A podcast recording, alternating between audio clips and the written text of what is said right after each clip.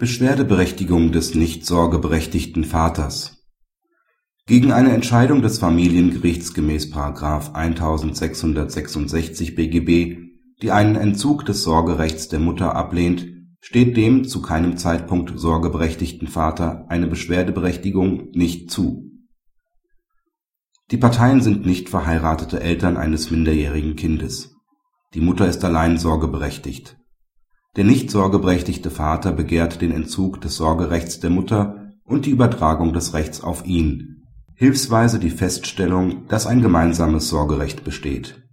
Das Amtsgericht weist die Anträge zurück, die dagegen eingelegte Beschwerde des Vaters wird vom OLG als unzulässig verworfen. Der BgH verwirft die hiergegen eingelegte Rechtsbeschwerde als unzulässig. Der Vater hat keine Beschwerdeberechtigung diese ergibt sich weder aus § 57 Absatz 1 Nummern 8 und 9 FGG noch aus § 20 FGG. § 20 Absatz 2 FGG scheidet aus, da eine Entscheidung nach § 1666 BGB nicht nur auf Antrag getroffen wird. § 57 Absatz 1 Nummern 8 und 9 FGG gilt nicht für Entscheidungen in Sorgerechtsverfahren auch nach § 20 Absatz 1 FGG steht dem von vornherein nicht sorgeberechtigten Vater kein Beschwerderecht zu, da die Norm einen unmittelbaren Eingriff in ein im Zeitpunkt der Entscheidung bestehendes subjektives Recht des Beschwerdeführers voraussetzt.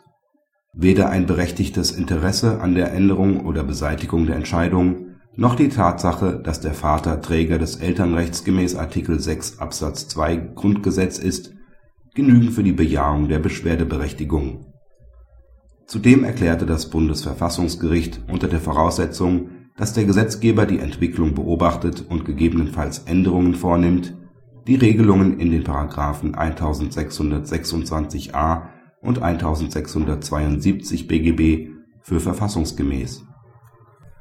Praxishinweis Ob einem nicht sorgeberechtigten Vater, der ursprünglich Inhaber des Sorgerechts war die Beschwerdeberechtigung zusteht, hat der BgH ausdrücklich offen gelassen. Die Entscheidung betrifft somit nur Väter, die zu keinem Zeitpunkt die Sorgeberechtigung innehaben